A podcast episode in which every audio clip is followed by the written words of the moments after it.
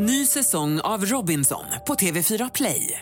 Hetta, storm, hunger. Det har hela tiden varit en kamp. Nu är det blod och tårar. Fan händer just nu. Det. är Detta är inte okej. Robinson 2024, nu fucking kör vi! Streama söndag på TV4 Play. Vi gör Big Six i samarbete med Telia och vi vill passa på att berätta den roliga nyheten att Viaplay är tillbaka hos Telia igen. Så nu kan du verkligen streama alla sporter, matcher och ligor på ett och samma ställe. Och det här stället vi pratar om är den fantastiska tjänsten Telia Play. I appen kan du streama alla matcher live eller i efterhand om du så skulle vilja. Och förutom alla sportsändningar kan du såklart se alla filmer, serier som finns hos Viaplay, C More och på Telia. Du kan även lägga till HBO Max utan extra kostnad. Så nu kan du verkligen samla allt innehåll från Viaplay, C More och Telia på ett ställe. Dessutom ingår alla matcher från Allsvenskan från Discovery+. Priset då? Bara 699 kronor i månaden. Oslagbart. Vi säger ett stort tack till Telia som är med och möjliggör Big Six.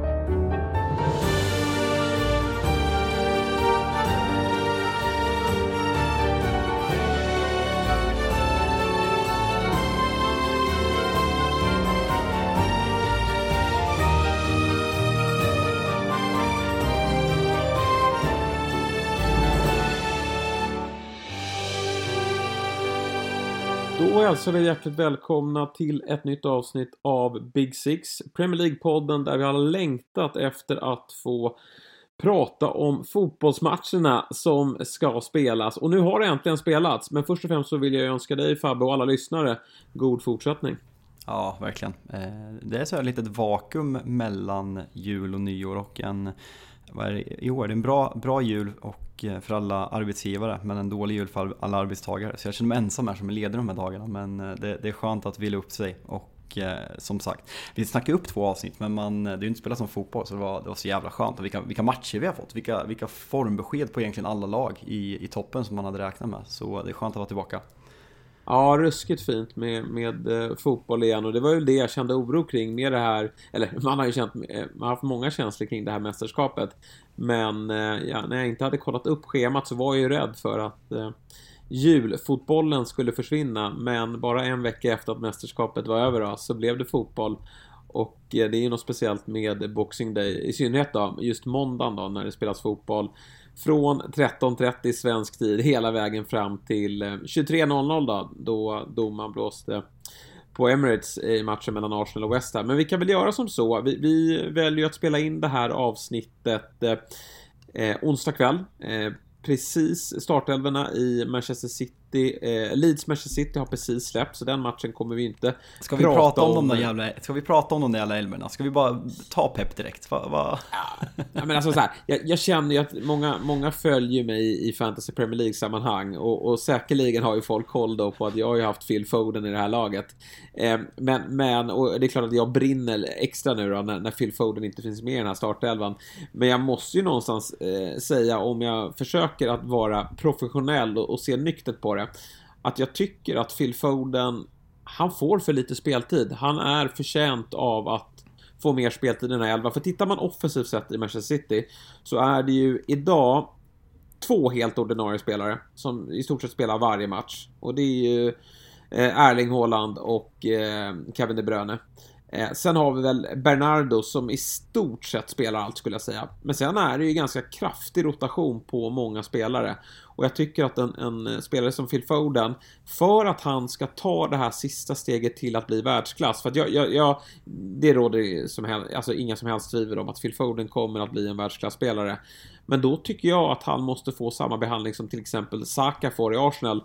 Alltså att, att Saka får i Arsenal, är såklart eh, beroende på konkurrensen. Men jag tycker nästan att Phil Foden ska kunna ställa de kraven på eh, Pep Guardiola. Att jag, eh, mig ska du faktiskt spela, ja men 90% av matcherna och så är inte fallet just nu. Ja, men ännu mer med den starten han hade av säsongen. För han började ju första, vad är det, 7, 8, 9 matcherna. Han är ju fenomenal. Kanske Citys bakom Haaland och det, det går såklart att argumentera för Det Bruyne också att de, de är på den nivån. Men efter dem Citys bästa spelare. Och sen så börjar han roteras från ingenstans. Det är som att det är något personligt. Och du är inne på Saka. Vi kan även ta Marcus Rashford som den här säsongen har fått självförtroende och spelar i stort sett varje match. För att han vet att han är nummer ett på den där positionen. Och det går även att gå till Liverpool. Nu känns det självklart men Mané och Salah hur de, hur de har kommit in i laget när de värvades från, från, eh, från Southampton och från Roma och fick spela hela, hela, hela tiden. För de där anfallspositionerna, de behöver göra mål för att få självförtroende och det är klart att Phil Foden och de här andra spelarna, Jack Grealish och Mares och så vidare, när de är i form och sen så sätts de och sen kommer de ur slag. Det,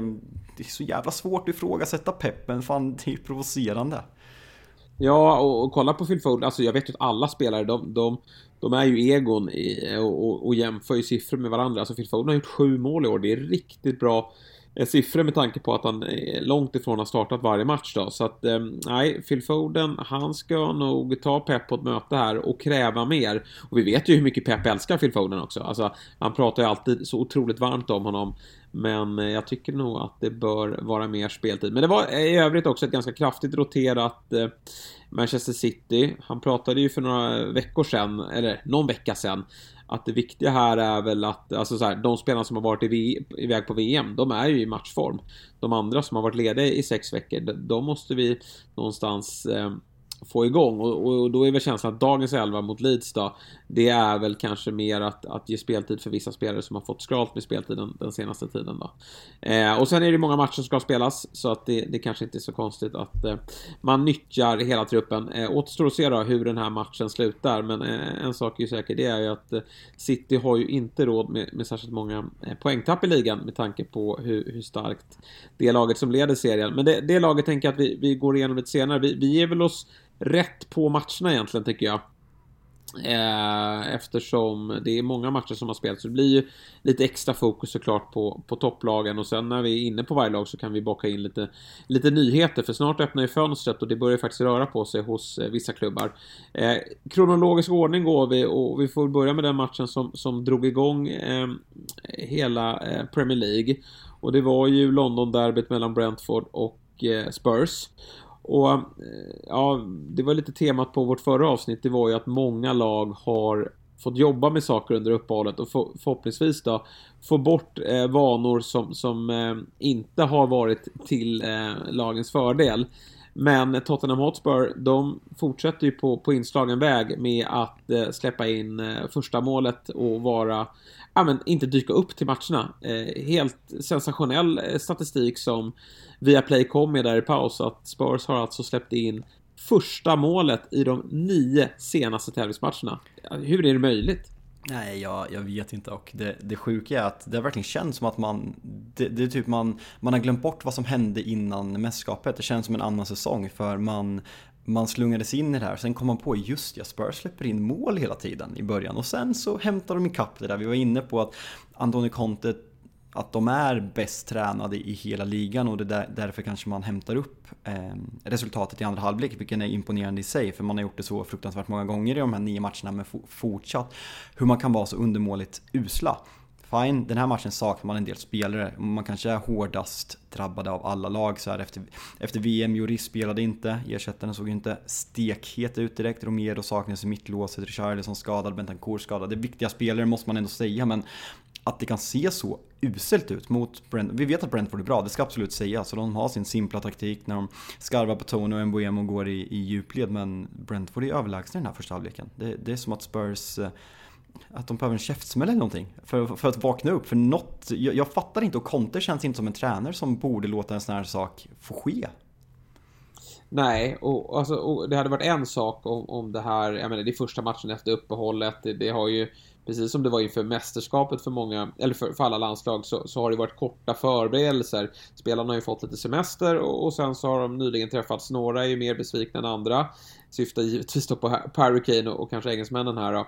Men eh, nu då när vi har den här eh, statistiken svart på vitt här med att Spurs alltid är så otroligt bleka och då Brentford som, som såklart, jag menar det här är, här är ett storlag som är på besök. De är ju taggade till tänderna och har ju inte Eh, det är inte många i det här laget som har fått vara iväg på VM-äventyr så de är jäkligt spelsugna. Eh, och, och, det visade sig verkligen. Eh, Spurs är ju inte på banan och Brentford, ja, de går ju upp i en 2-0-ledning i, i, i början på andra, klart rättvis. Sen vänder ju det här precis som vi också har sett Spurs tidigare. Det finns ju sån otrolig kvalitet i det här laget så det är ju någonstans inte heller konstigt att det, att det blir 2-2 och faktiskt bud på mer.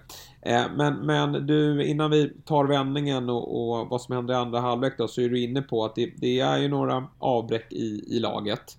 Och Bentancourt, eh, han och Höjbjerg har ju bildat ett, ett riktigt bra centralt mittfält. Det kanske man inte trodde inför säsongen. Det fanns väl liksom, spekulationer kring att det skulle vara, ett, eh, att det skulle vara tre gubbar på låter, mitten där. Det låter ju ganska osexigt om man jämför med de andra lagen. Om du kollar Ja. på Arsenal, som Arsenal har ändå Thomas Partey, Xhaka återuppstått, Ödegård framför. United ändå Casemiro, Bruno Fernandes, Liverpool har Thiago, eh, Fabinho. Lyssnar man på bara namnen Höjbjerg och, eh, och eh, Bentancourt och även Bissouma, det är ju ganska osexigt, det måste man ändå säga. Ja, absolut. Och, och Bissoma har vi ju gnällt på. Vi hade ju stora förväntningar på honom eh, inför den här säsongen med tanke på hur bra han gjorde i Brighton. Man har inte fått det att stämma och jag tycker han är direkt blek. Man, man, man ser ju verkligen, att alltså, de, de saknar ju Bentancourt eh, eh, ordentligt i den här matchen. Och eh, Bissoma, jag, jag, jag tycker det är lite intressant med, med honom ändå. För eh, tittar man på Potter då, som, som jag ändå har fått eh, jag följde honom noga i, i allsvenskan och det är väl inte, man ska väl akta sig för att dra paralleller med den typen av fotboll. Men någonting som man pratade mycket om där, det var ju att eh, han hade ju ett, lite av ett doldislag i, i, i Östersund. Värvade ju många spelare från de, de lägre divisionerna med, alltså det var ju den här eh, McCauley, alltså scouten som, som nu följt med Potter hela vägen till Chelsea. Det var ju han som stod för, för eh, spelrekryteringen, såklart tillsammans med Potter. Men det var ju många okända namn som var värvade till eh, till vissa roller då, som, som Potter ville ha. Och i Östersund var de ju helt fantastiska. Alltså det var ju, Äh, det spelade i stort sett ingen, det spelade ingen roll vilken, vilken typ av elva han, han mönstrade. Alla visste precis vad de skulle göra och de var slagkraftiga i, i samtliga matcher.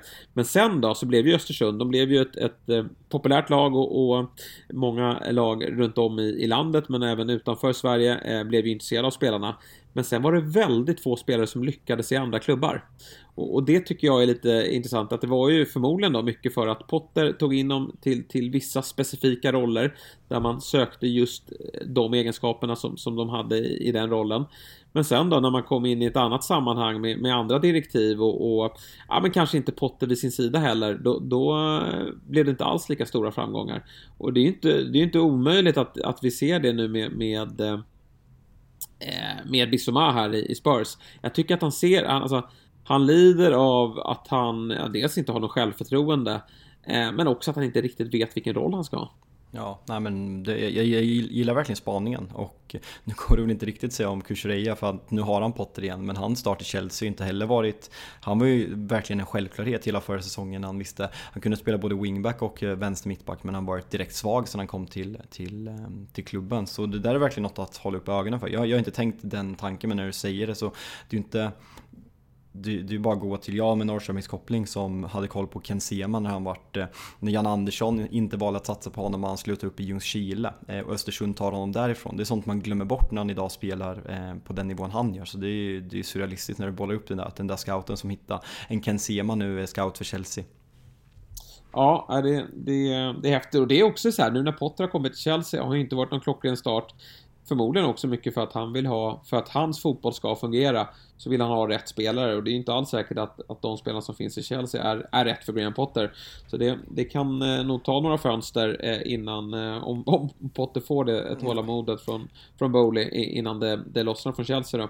Vet du Eh, vad vi måste, övrigt- ja. vet vi måste säga bara gällande Tottenham den här matchen? Eh, alltså han, han, han får mycket skit i den här matchen, de sjunger att han har svikt landet och liksom jag uppmuntrar väl banter men vad fan, lite nivå får det väl vara när, när, man ändå, när man ändå har representerat landslaget och eh, missat en straff i en kvartsfinal. Men Harry Kane, vilken, vilken jävla spelare. Alltså, eh, Ja. hade, hade det inte varit för den där jävla norrbaggen den här, den här säsongen.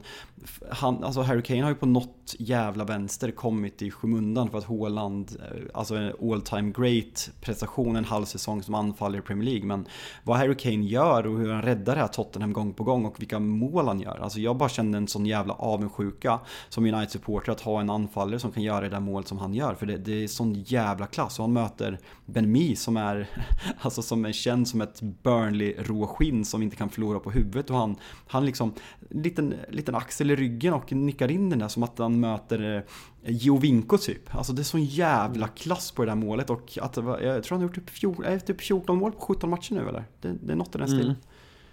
Ja, nej, det är ju en, det är en ruskig säsong han, han eh, gör och, och, kommer fortsätta att göra. Det fanns väl en, en oro kan jag tänka mig hos eh, Tottenham-supportrar hur han skulle ta det här uttåget. Men eh, ja, trög i första halvlek, men, men i andra halvlek så, så, så leder han ju laget, gör ett klassmål och har ju en ytterligare nick i, i, i ribban också som hade tagit Spurs till, till, till en seger. Så att eh, jäkligt imponerande hur han har hanterat den, den senaste tidens motgångar såklart. Och, ja, han, han, är verkligen förtjänt av att få vinna saker. Samtidigt så vidhåller jag då att nu, nu är det ingen idé att börja söka sig mot andra klubbar utan nu är det bara att hoppas att han blir en one man club här eh, och eh, stannar i Spurs. Men annars också då, du sa att Loris saknades i, i, eh, i Spurs och det märktes ju. Ja, Forsters ingripande. Sen är det så här, han har inte spelat, mål, målvaktsrollen är Nej. svår. För den är, den är ju verkligen att det handlar om timing och sådana saker. Och man såg ju, det var ju någon, han, är, han är typ två meter lång, han skulle upp och bara plocka en boll över någon som är 1,80 och han skarvade ut den till hörnet. Vad fan, vad fan håller du på med? Och han gör ju en dunderräddning, men eh, den som de gör mål på returen när det blir en deflection. Men det, det ser, allt ser så trubbigt ut och det där blir ju inget självförtroende. Och samma sak med Tanganga som gick in som höger mittback. Det, vad fan var det? Viaplay hade något montage som det var i efter matchen eller, eh, eller i paus när han bara liksom, han är inte up for it, han är för dålig, han eh, går inte. Och de de, eh, Brentford märkte ju det här väldigt fort och slog verkligen mycket långbollar ut mot honom på Tony när han inte visste om han skulle falla eller om han skulle ta duell och han gjorde fel hela tiden så det där var ju ett, eh, det utnyttjade Brentford maximalt. Ja, eh, han såg så, som du säger, han har ju inte stått mycket det senaste år, ja men halvåret. Fick ju en, en, en hel del speltid i, i Southampton. Där var han ju lite ja, men de, de, han och McCarthy, de delade på posten där, men, men i, i Spurs har det såklart bara varit Hugo Lloris, så vi hoppas här för Spurs skull att Lloris inte går sönder. För det där, det där såg inte bra ut, det var riktigt skakigt och även den här situationen eh, det är väl Mboemo va, som går, går ner, eh, där man, jag tror ju att det är straff. Men eh, han får ju gult kort för filmning i, i slutskedet av den andra halvleken. Men eh, det, det, är helt riktigt av domaren. Eh, bra gjort av honom, annars hade man ju sett det på VAR. Men, men där eh, får ju Mboemo en varning. Men eh, även när Forster kommer ut där så ser han ju trög och kant ut och otroligt feltajmad. Så att eh, det är med all säkerhet som så att Hugo Lloris vaktar stolparna mot Aston Villa här till, det, till helgen. Kan det vara så att Spurs aldrig upp, upp, uppskattat Hugo Lloris som de gjorde i måndags. Kan vara så. Han har fått lite Nej, skit senaste så. tiden, men nu känner jag, nu, nu vill de ha honom mer än någonsin. Ja, Ja, men, men så är det. Men ja, viktig poäng ändå i slutändan för Spurs så stärker ju moralen att de på nytt då hämtar upp de här underlägena. Men det får ju inte fortsätta så här. Nu måste de ju få bukt problemet. Och, och, du och jag som är... Ja, du, du har väl spelat högst upp i, i division 3 va? Eh, men men vi, vi, har inte, vi har inte varit nära elitfotboll. Det, det, är helt omöjligt för mig att svara på vad sånt här beror på. Det kan ju vara såna här sjuka trender ibland. Eh, som vi nu ser att de släpper in eh, första målet i nio raka matcher. Ibland så kan det vara som så att lag ja, men lyckas inte vinna på bortaplan men är helt fantastiska på hemmaplan. Det, det får ju nog nästan liksom, spelare svara på vad som sker och, och hade det varit ett, en, en lätt lösning på det så hade nog Conte löst det. Men, men eh, ja, det, det är nog dags att, att verkligen behöva eh, dags att göra andra, saker annorlunda. Ja, vi får ringa upp, vad heter han, Ekvall i landslaget som är idrottspsykolog som får, eh, ja, som får ge en utredning på det här. Det är din eh, Norrköpingspolare där. Han får eh, ge, oss, ge oss svar på vad, på vad Spurs ska göra. Eh, Eh, men, men Brentford, eh, ja, det är som sagt, vi hade väl en viss oro kring att de skulle kunna bli indragna i bottenstrid. Det, det känner man ju inte alls nu. De, eh, de, är ett homogent och starkt lag. Pontus Jansson var ju tillbaka, så han spelade inte den här matchen, men, men han, han ska vara frisk nu, men, men tog sig inte in i, i någon startelva då. Men eh, det kan ju vara som så att eh, Ivan Tony blir avstängd här. Det var väl i, han får spela den här matchen men sen så ska han väl upp i rätten va? Ja, något sånt. Vi var inne och snack, snuddade lite vid det i, i förra veckan. Och det känns väl, alltså så här, det, det enda, det känns dumt att spe, spekulera för mycket i vilket straff det ska vara för man inte har någon aning om på vilket sätt det har gått över gränsen. Men det är klart att är han borta ett halvår, vilket det sägs som att det kan bli och missar den hela säsongen så, um, så um, det är viktigt för, för Brentford att ta poängen man, man, man kan ta nu för eh, Ivan Tony vital för det där laget laget. Och man kan absolut blanda sig in i titelstrid om man, om man blir av med honom och inte ersätter honom. Eller titelstrid, ja. det, det blir tufft. Du fattar vad jag menar? Ja, det blir Ja, absolut. Men, men eh, ja, nej, Tony, det är ju, han är ju såklart eh, på alla sätt och vis sjukt viktig för, för Brentford. Om vi tar oss till eh, 16.00 matcherna här då, så var det ju inget av de större lagen som eh, spelade då, ja, Måste om vi inte kallar dem Newcastle. Vi fick, ju, ja. vi fick ju skit förra veckan för att vi pratade för lite Newcastle om någon på Twitter, så nu, nu måste vi prata Newcastle. Ja, jag, lovade, jag, lov, jag lovade honom. Ja, nej, men det, och det var den matchen jag hade störst fokus på här då, eh, i, eh, i måndags. Och eh, det är ju en eh, oerhört imponerande seger. Vi såg den inte komma eftersom vi hade speltips bort hos ATG som löd något helt annat. Men när jag såg älvorna eh, inför den här matchen så noterade jag ju ganska många avbräck från, från båda håll faktiskt. Leicester har ju haft lite, lite strul eh, under, under året, men, men här var det ju väldigt många spelare som saknades. Och framförallt då, eh, ja men Jamie Vardy, han har ju väl i och för sig varit lite in och ut i, i elvan, för han har inte varit den, den Vardy eh, som vi lärt eh, känna då, men eh, vi hade ju framförallt då James Madison, som verkar ha knäproblem.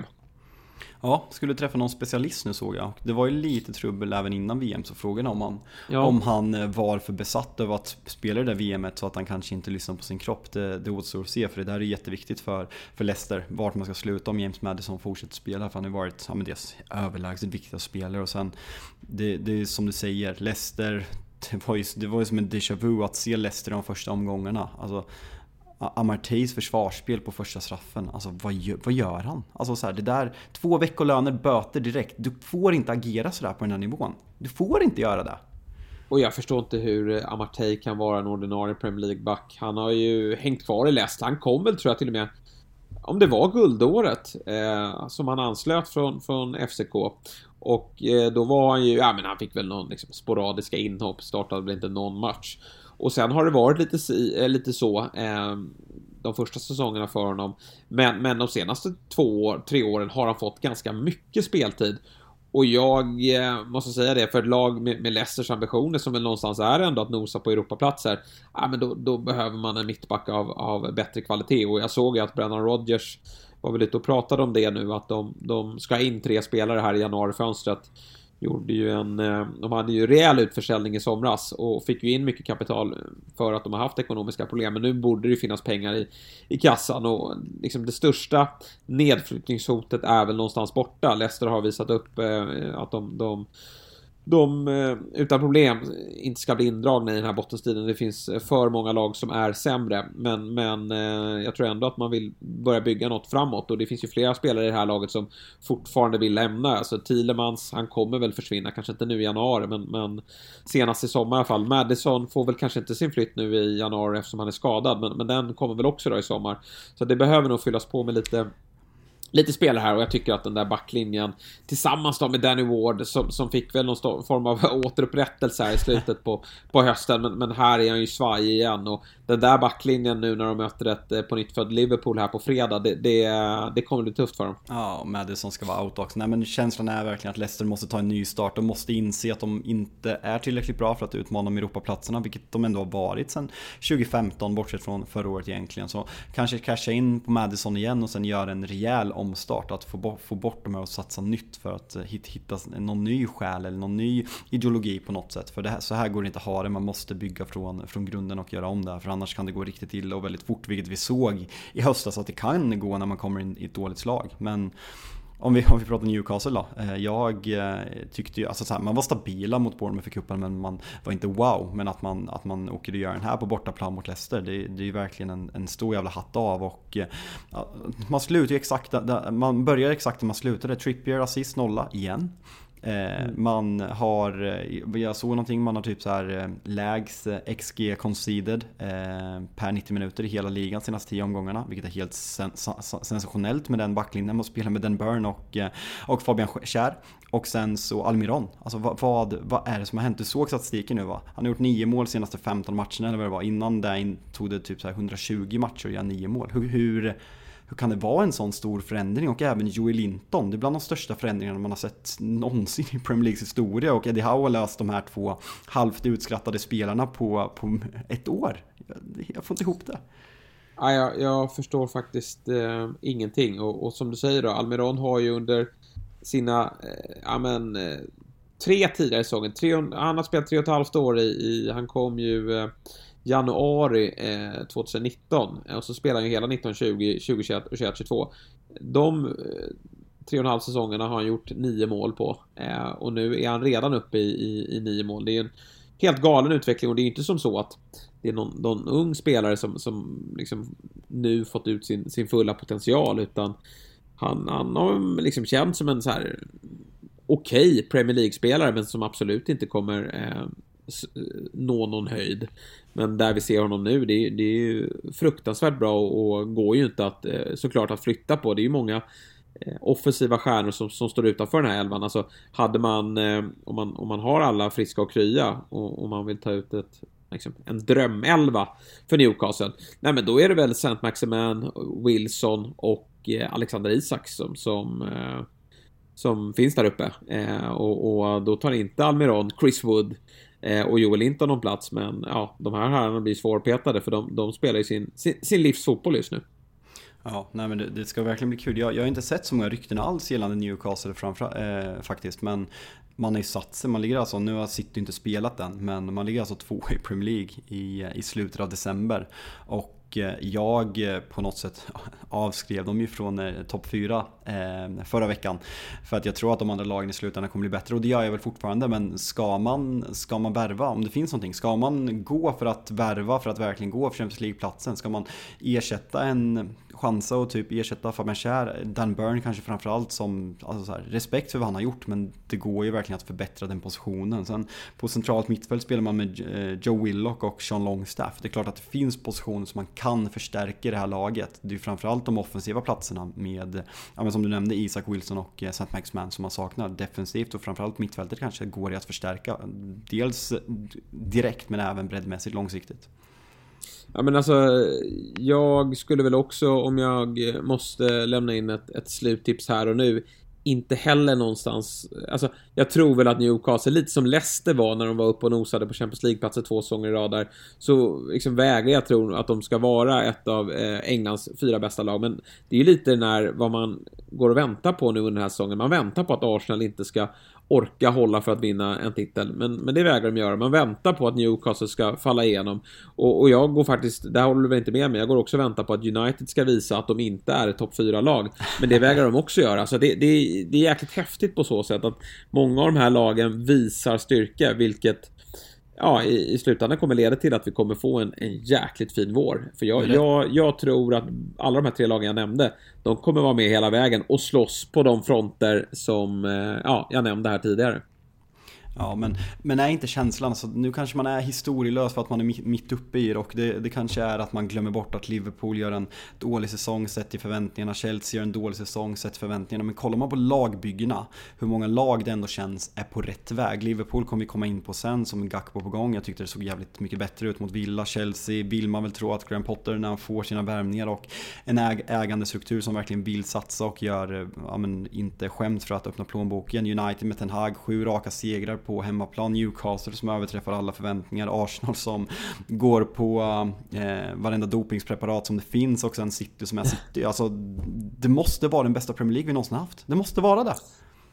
Ja, och ett getingbo i botten på det också, för det, det, tror jag vi kommer ha hela vägen också. Annars brukar det alltid vara en, en, en, slagpåse som försvinner, men det har vi inte heller fått. Så att, ja, är det den här våren, eh, 23, den kan bli något, eh, något alldeles extra och eh, det vore ju sjukt kul om, om New, Newcastle verkligen kan hänga i och, och, snart kommer de här spelarna tillbaka då. Alltså St. Maximan, han är ju där och hoppar in, men, men han, liksom, når han sin, sin Eh, ja, men når han formen, storformen, då vet vi hur nyttig en sån spelare kan vara och eh, jag, jag vägrar ju tro att Alexander Isak ska vara en, en, spelare som står utanför den här elvan utan han har ju värvats in för att han ska vara en, en startman och det, det, hoppas och tror jag att han kommer att eh, att visa, visa i slutändan. Annars är också Bruno Gimares har vi inte pratat om här idag. Det har vi gjort i, i tidigare poddar. Vi missade honom lite i, i höstens lag, men ja, jäklar, ja, det, alltså, det, det, det, det han är ju... Alltså. Ja, verkligen. Han är ju fenomenalt bra. Och eh, ja, men han någonstans håller ihop hela det här laget. Jag tycker han är ruskigt bra. Sen, sen ska sägas att det blir lite märkligt också. De, de gör tre snabba noll och, och sen slår de av lite på takten och Leicester har ju faktiskt bud på mål i, i den andra halvlek. Den, den matchen spelar ju... Newcastle spelar ju av lite andra halvlek och ser lite ja, men lite bekväma ut. Men då, å andra sidan, när Leicester får sina lägen, då står ju Nick Pope där bak som är ju... Ja, men det, han har ju motsvarat alla förväntningar. Vi visste att han var riktigt bra i Burnley och när vi fick höra att Newcastle har varit in honom så sa vi att det här är en absolut toppvärvning och, och det har det ju visat sig vara. För jäklar vad bra han är. Jag såg att Axel Olsson, Chelsea-supporter som har gästat den här podden, rankade fem bästa värvningarna enligt honom än så länge i Premier League. Jag har varit kränkt för att Lisandro Martinez inte var med. Men sen när jag läste dem bara så här, Haaland, eh, Casemiro, vem var vi inne på nu nyss? Eh, tappat tråden. Nick Pope, Nick Pope, vi har eh, Jesus Nick, också. Ja exakt, det var ju dem och så bara vilka, det känns som ofta när man summerar de här värvningarna, fan, var så jävla många värvningar lyckade. Alltså det känns som att det är lättare att hitta misslyckade värvningar än lyckade, men i år känns det som att många klubbar har träffat rätt på väldigt många olika positioner. Och Nick Pope är ju en sån, det var ju en väldigt billig peng och han ryktas i större klubbar men att man får ihop honom, man tog Trippier i januari, Sven Båtman tog ett tag för honom att komma in men helt fenomenal nu, inte ordinarie i Hollands landslag men gör det helt fenomenalt i, i, i Premier League. Samma sak med Bruno Grimares, tog ett tag för honom att komma in, platser inte Brasilien för Paquetá ska tydligen gå före men nej, det eh, vi måste, vi måste hylla Eddie Howe mer än vad vi gör. Det eh, är väldigt mycket han som gör det här är min känsla. Jag, jag, jag mm. ser ingen annan förklaring. Nej, Eh, riktigt häftigt. Övriga 16 matcher, vi kan väl bara dra ett litet svep. Vi konstaterar att eh, Wolves tar tre helt otroligt viktiga poäng med ett sent avgörande borta på um, Goodison Park mot Everton. Eh, Ait Nouri hoppar in och gör 2-1 målet eh, vilda glädjescener och en drömstart för Lopetegui. Eh, och, och det här innebär ju såklart att Everton, det hade de ju varit oavsett eh, utgången i den här matchen, är ju såklart indragna i bottenstriden. Vi noterar ju då att Southampton är sist på, eh, på 12 poäng, 20 plats. De kommer hamna och, där va? Eh, ja, alltså Ja, jag skulle ju säga det. Eh, om, jag, om jag måste eh, någonstans bestämma mig här och nu så... Vad, vad, var det, vad var det som Nathan Jones att han hade sagt efter ligacupmatchen att eh, det inte tog... Eh, vad drog han för referens? Nej, men att det tar väl inte, liksom, Barca byggdes ju inte på, på, på en natt. Eh, Sa 15 eh, Nathan Jones kommer inte bygg, byggas på ett halvår heller, så vi, eh, han får bygga vidare i Championship. Ja, han verkar ju vara en Championship-tränare så att han, han, får nog behålla jobbet. Men, men det ser tufft ut för eh, Southampton såklart. Men de har ju de har 12 poäng och på 14 plats då, Bournemouth, som vi väl någonstans tror kommer dala också. De har 16 poäng, så det är ju extremt tight där. Men det är väl bara att vissa lag har man ju bättre känsla för än andra. Mm. Och eh, Southampton är väl ett av de lagen man kanske inte har eh, klockren, klockren känsla för. Men eh, Wolves har i alla fall viktig, viktig start för eh, Lopetegui där. Ja, verkligen. En fyra minuter tillägg ger mål 94-04 och det är, det är så signifikativt för Traoré som, han, han är typ helt fri, de har värsta kontringen och han, det är så tur att bollen kommer fram till Aitnori på, på bortre. Och, eh, men man älskar det där, alltså tröjan av, fira med bortafansen, julmatcher, 15.00 lokal tid. Det är ju det där man älskar. Jag, jag hade faktiskt matchen på live för att det var den enda match som betydde någonting. Så det var, det var riktigt eh, fina scener får vi ändå lov att säga. Sen hade mm. vi Southampton. Där ska vi väl fortsätta hylla Brighton va? 3-0? Eller 3-1 ja. vart det. Ja, nej men och där var ju oron innan då att det inte fanns någon anfallare i, i, i Brighton. Trossard fick kliva upp i någon form av nummer 9-roll då med, med Danny Welbeck borta och, och ja den här eh, belgaren, är han, är han turk eller? Han kommer från Belgien i alla fall, Undav. Äh, dålig koll på Ondau faktiskt om jag ska vara helt ärlig. Ja, eh, han gjorde, han öste ju in mål i Belgien och eh, han eh, lovordades då eh, att det var ju en pottevärvning. Men han har ju knappt fått någon speltid överhuvudtaget. Och det är ju förmodligen för att han inte har klimatiserat sig. Det, det märks väldigt tidigt på träningarna kan jag tänka mig att den här spelaren inte riktigt håller måttet. Och, och med Danny Welbeck då, som vi vet har en, en kropp gjord av glas, så behöver det nog plockas in en, en uh, nummer nio här. Men, men ja, Brighton löser det ändå. Uh, nu de är man på sjunde de ska plats. Ha pengar, de ska ha pengar också efter försäljningen, försäljningen av Kushreya och, eh, och Ja, men man sålde Mopai, man sålde eh, Bissoma, så det, det, finns ju, det borde ju verkligen finnas pengar för man värvade inte för jättemycket. Och sen, Trossard kommer inte hända nu men det börjar pratas, Caicedo på mitten finns ett jävla värde i och McAllister. Så man, man har ju riktiga guldklimpar också. Så fan det är kul för Brighton nu, måste vi ändå säga. Absolut, och då bör det väl komma in som sagt en, en anfallsvärvning. För det, det tycker jag. Alltså, Trossard är slöseri att ha honom på topp. Han är ju bäst ute till vänster. Så att eh, en, en anfallare räknar med väl kommer in. Vi pratade Wolves innan, men jag såg, eller Daniel Kristoffersson då som skriver mycket svensk silly season på, på Aftonbladet. Han har ju bra koll på, på våra svenskproffs där ute också. Han sa ju att Wolves leder jakten på, på Gyökeres och det är väl inte en otänkbar eh, klubbadress för, för Championships skytteliga-ledare med tanke på vilka problem som Wolves har. Diego Costa, han spelar ju mycket men har väl fortfarande inte gjort mål ännu och, och Jiménez är ju, är ju inte sig lik. Så att eh, Gyökeres, ja, det, det, finns ju fler klubbar som, som jagar anfallare. Wolves är en av dem och kanske Brighton då. Nej, det är hans gamla klubb. Ja, men det, skulle vara, det skulle vara jättehäftigt. Och när man kollar de här, de här eh, priserna som delades ut nu på, på den här galan som inte existerade så ja, alltså årets målvakt, årets försvarare, årets anfallare och årets Guldbollentagare spelar i Premier League. Vi har varit inne på den här skandinaviska övertagningen av Premier League och man, man, man tänker nog inte så jävla mycket på det för man tar det för givet och man vänjer sig vid det men det, det är jävligt kul att vara svensk och kolla på Premier League nu för det är bra prestationer och om Gyökeres kommer till ja, Wolves eller Brighton skulle det vara ännu roligare för jag konsumerar inte Championship jätteofta om jag ska vara helt ärlig. Nej, eh, Gyökeres då som tidigare alltså var i, i Brighton. Men eh, det är nog inte otänkbart att han kanske hittar dit. Eller då någon av de andra klubbarna som jagar eh, jagar eh, en ny anfallare. Vi tar med oss att eh, Crystal Palace aldrig får att lyfta. Nej, Hur långt är tålamodet med Patrik Vieira tror du? Alltså, de, han, det är så svårt att tappa tålamodet med honom för det finns ju någonting där måste man ändå säga. Att man är överlag ganska bra. Man parkerar på en elfte plats, det är ganska bra. Sen har man ju de här när man faller ja. igenom i matcher man ska vinna, men sen vinner man matcher. Så jag, jag skulle säga att man kommer ha ganska långt tålamod med honom. För jag ser ändå något där som, jag, som man ser väldigt få tränare på den engelska ön som framförallt kommer från England kanske. Så det där tror jag man ska vara väldigt försiktig med. Sen intressant, det blir mer och mer, vi, vi tog upp det för någon månad sedan när vi spelade in eh, senast innan, innan VM med Wilfried Zaha och man går ju all in för att förlänga men han verkar ju inte vilja. Och eh, är vi nu ifrån? Vi är tre dagar ifrån att, eh, eller fyra dagar ifrån att Wilfried Zaha får prata med andra klubbar så det där kommer bli en följetong att följa och vilket kommer påverka Crystal Palace status långsiktigt också vad man kan göra för han är ju vital för det där laget. Mm. Ja, det är han ju. Men eh, ska han spela fotboll i någon annan klubb så, så måste det ju ske nu. Han börjar ju bli till åren här och annars så blir det ju som med, med Harry Kane då, att, att det blir eh, en klubb för honom i stort sett. Han hade ju en vända i Manchester United utan att lyfta men eh, jag tycker att han, han har kvaliteter för, för eh, större klubbar än Crystal Palace. Annars så präglas ju såklart den här matchen mycket av de två röda eh, korten på, på Mitchell och Tomkins. Men eh, Fulham då? Ett annat eh, sensationslag. Här behöver man inte fundera kring någon eh, bottenstrid. Parkera på nionde plats, 22 poäng.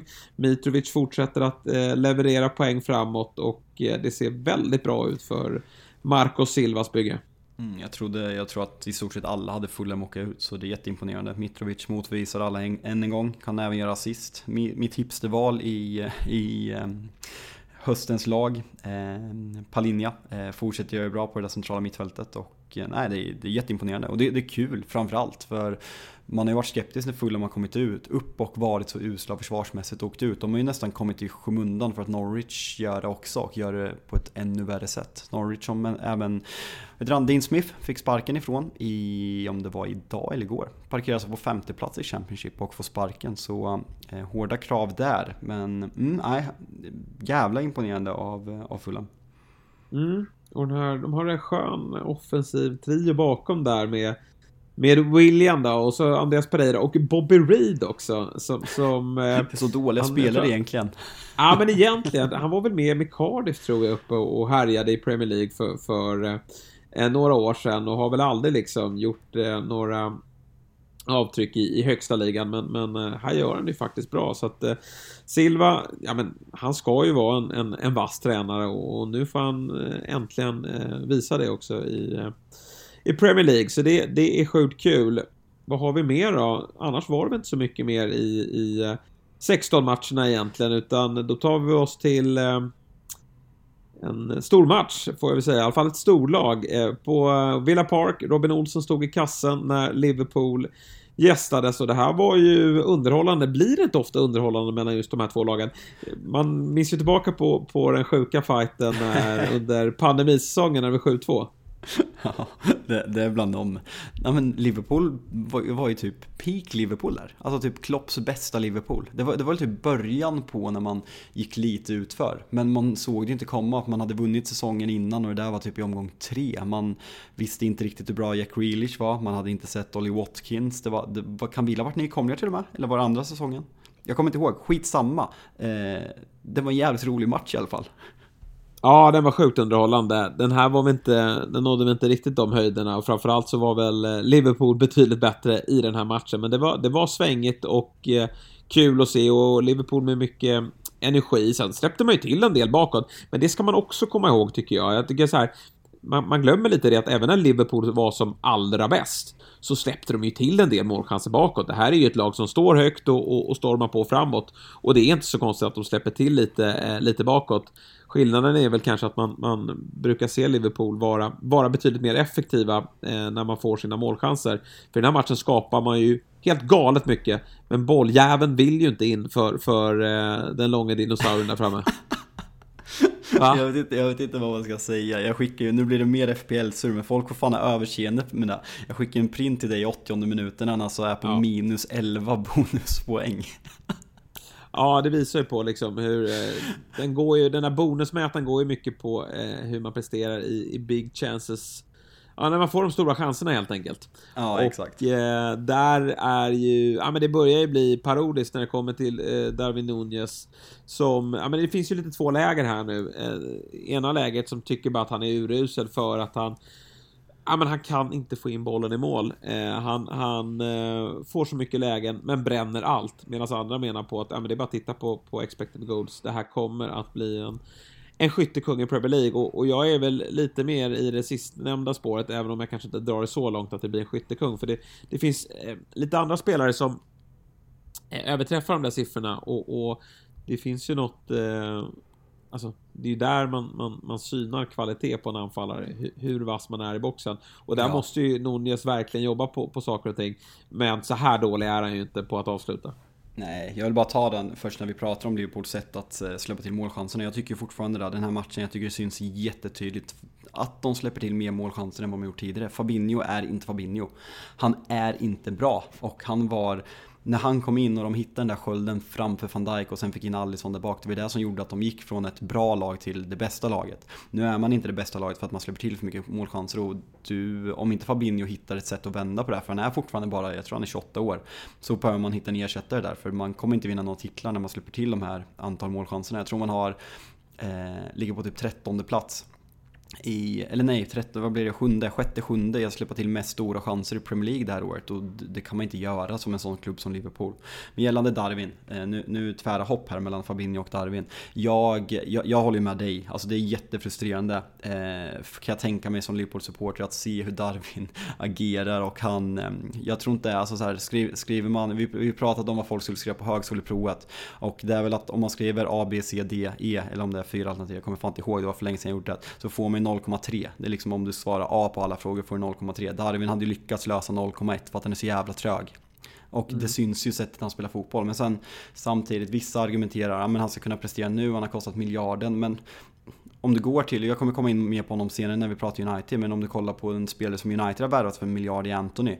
Vad har jag helst? En spelare som Anthony som står och trampar på bollen inte och skapar ett skit, eller en spelare som Darwin Nunez som ser helt besatt ut av att vinna fotbollsmatcher, som kommer till målchanserna, som löper, som drar på sig försvarare, som öppnar upp för sina lagkompisar. Jag tar hellre Darwin Nunez alla dagar i veckan och jag tror att när vi kommer summera Anthony och Darwin Nunez som värvningar så kommer folk skratta åt att Anthony är bland de sämsta värvningarna i Premier Leagues historia. Jag, jag, det är jättetidigt men jag börjar verkligen få de vibbarna för jag ser ingenting.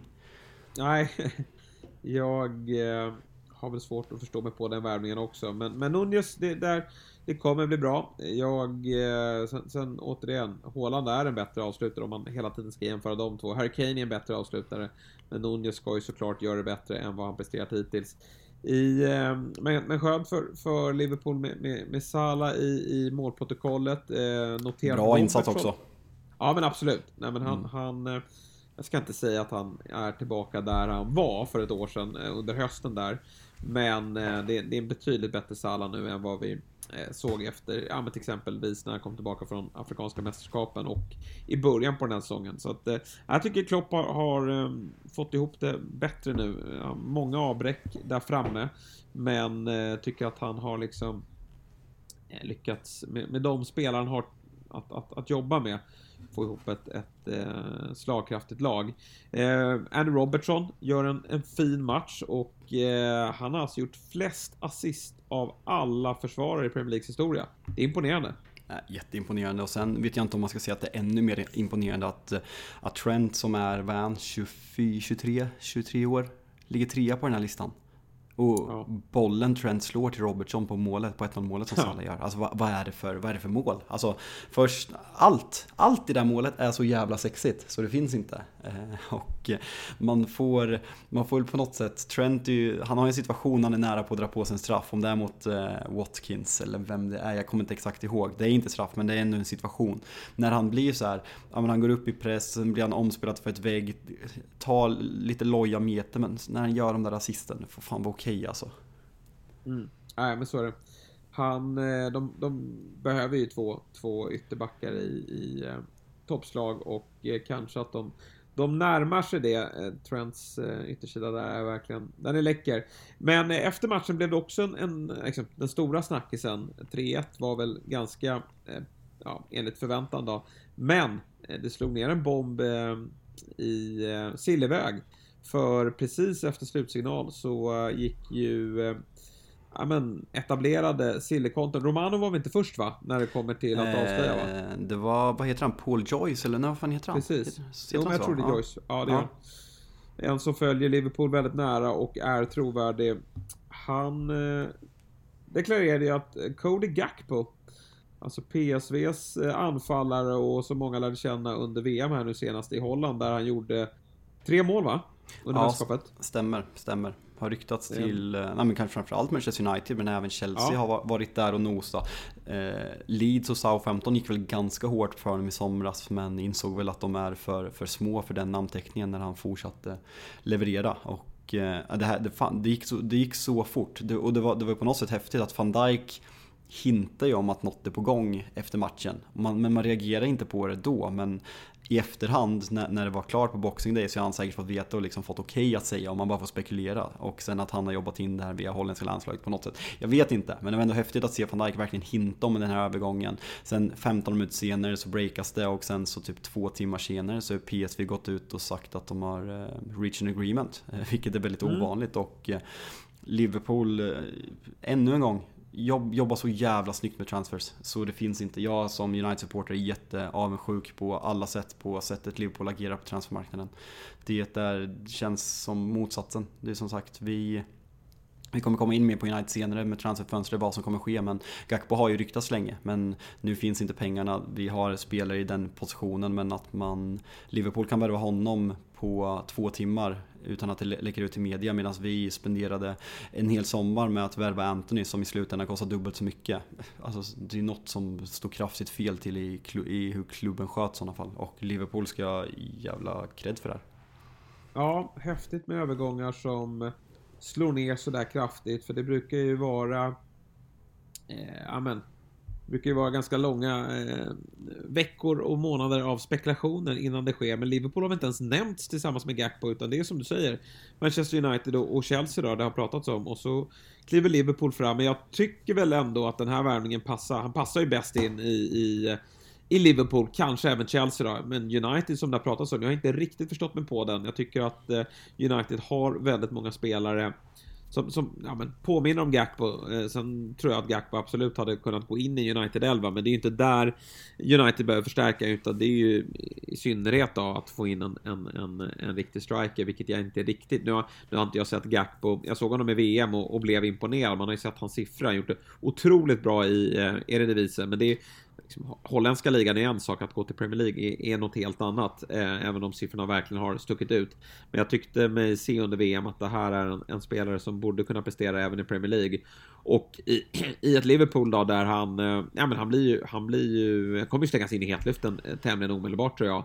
De har ju Diaz och Jota skadad. Och så har vi Firmino som också börjar bli till åren och åker på en hel del småskador eh, hit och dit. Så att eh, Gakpo kommer att inte behövas omedelbart och jag räknar med att han, han är i Premier League och, och för att färga direkt. Ja, han har väl medical ikväll onsdag när vi, eh, när vi spelar in så det, det kommer nog mycket väl bli, bli officiellt så ska vi säga bänken eh, möter väl Leicester den 30 eh, va? Eh, så redan på, vad blir det, på fredag.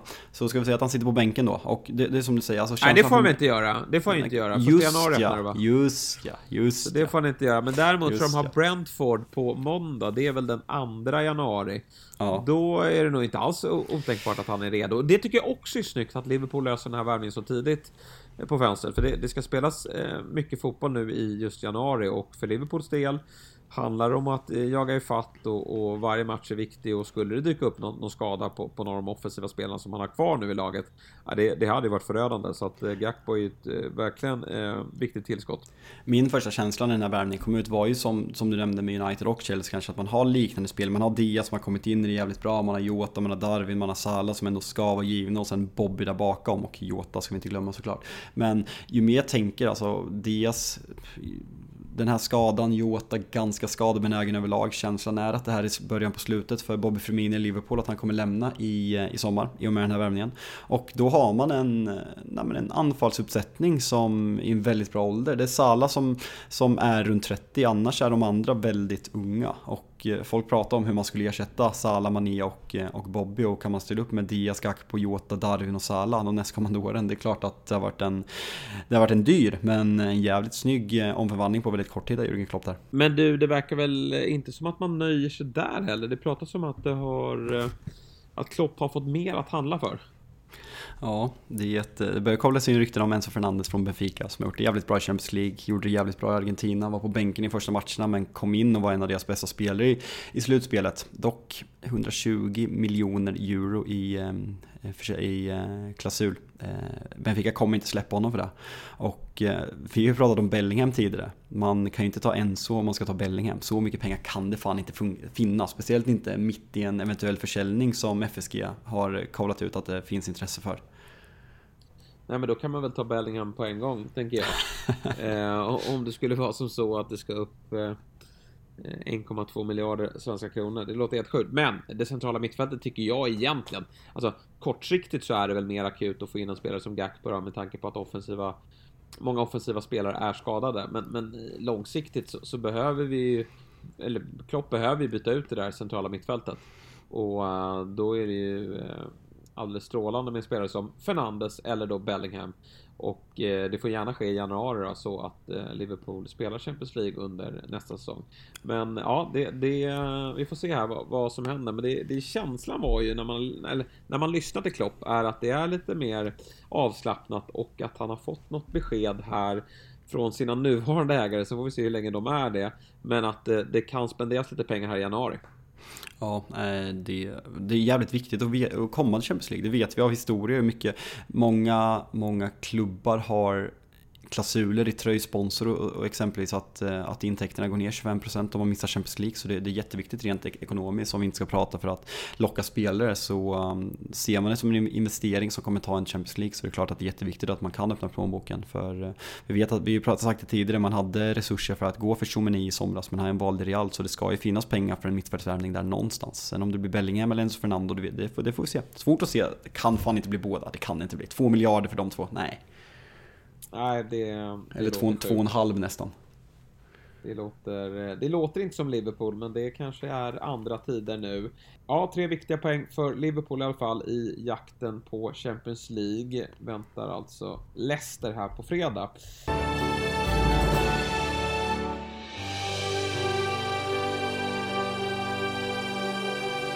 Big Six görs i samarbete med ATG och till helgen så vill vi ju slå ett slag för Big Nine.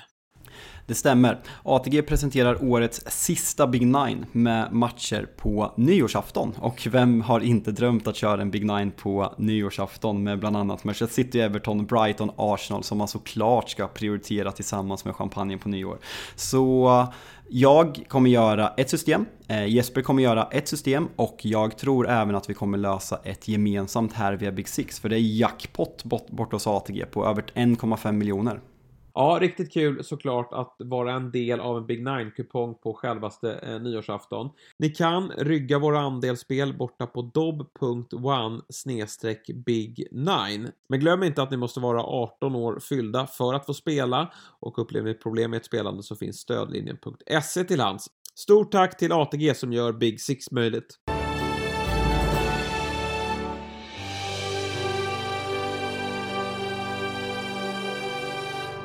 Men eh, vi tar oss vidare och då blir det ju till det laget som leder eh, hela Premier League och det hade man ju gjort oavsett resultat mot West Ham.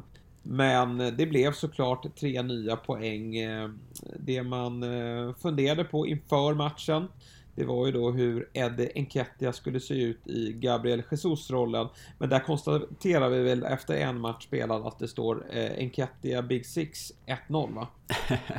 ja, det, det, det, gör det väl ändå. Ska, ska, ska jag dra lilla, lilla brasklappen för vad jag, vad jag tyckte mig se i, i Arsenal-spel med Enketia kontra Gabriel Jesus så tror jag att hans avsaknad av um, targetspel Eh, kommer kunna drabba Arsenal om, man, om eh, Gabriel Gabo Jesus blir borta länge och man, och eh, man kommer möta bättre lag. För jag tycker att länka upp spelet, han är jättebra i djupled och målet han gör i klass. Han är en jättebra andra anfallare men nu är vi inne på extremt små fina detaljer så tror jag att Arsenal kommer kunna drabbas mot tuffare lag i, i Upp-spelet, för där, där är han svagare än vad Gabo Jesus är.